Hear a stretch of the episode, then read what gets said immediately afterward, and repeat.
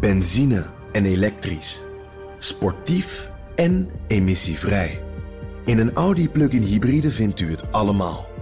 Ervaar de A6, Q5, Q7 en Q8 standaard met quattro vierwielaandrijving. Wat u ook zoekt, u vindt het in een Audi. Audi. Voorsprong door techniek.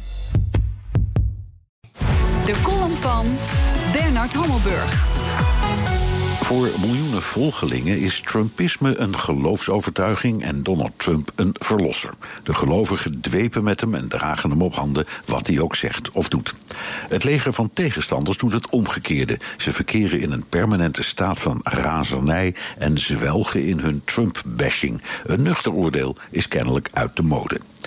De nieuwste rel komt uit het anti-Trump-kamp. De New York Times kwam met een als Watergate-achtige primeur opgepoetst verhaal over een ontmoeting van Trumps zoon, Donald Trump Jr., in juni 2016, dus voor de nominatie, met een Russische advocaat die banden zou hebben met de regering Poetin en die belastende informatie over Hillary Clinton had.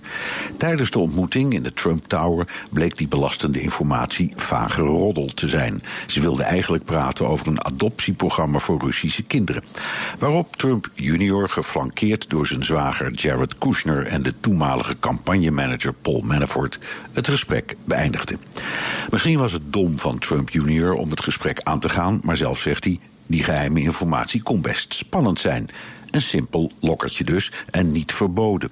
Gesteld dus dat die advocaten echt deel uitmaakten van de entourage van Poetin. En gesteld dat ze echt over belastende informatie had beschikt, wat had het uitgemaakt?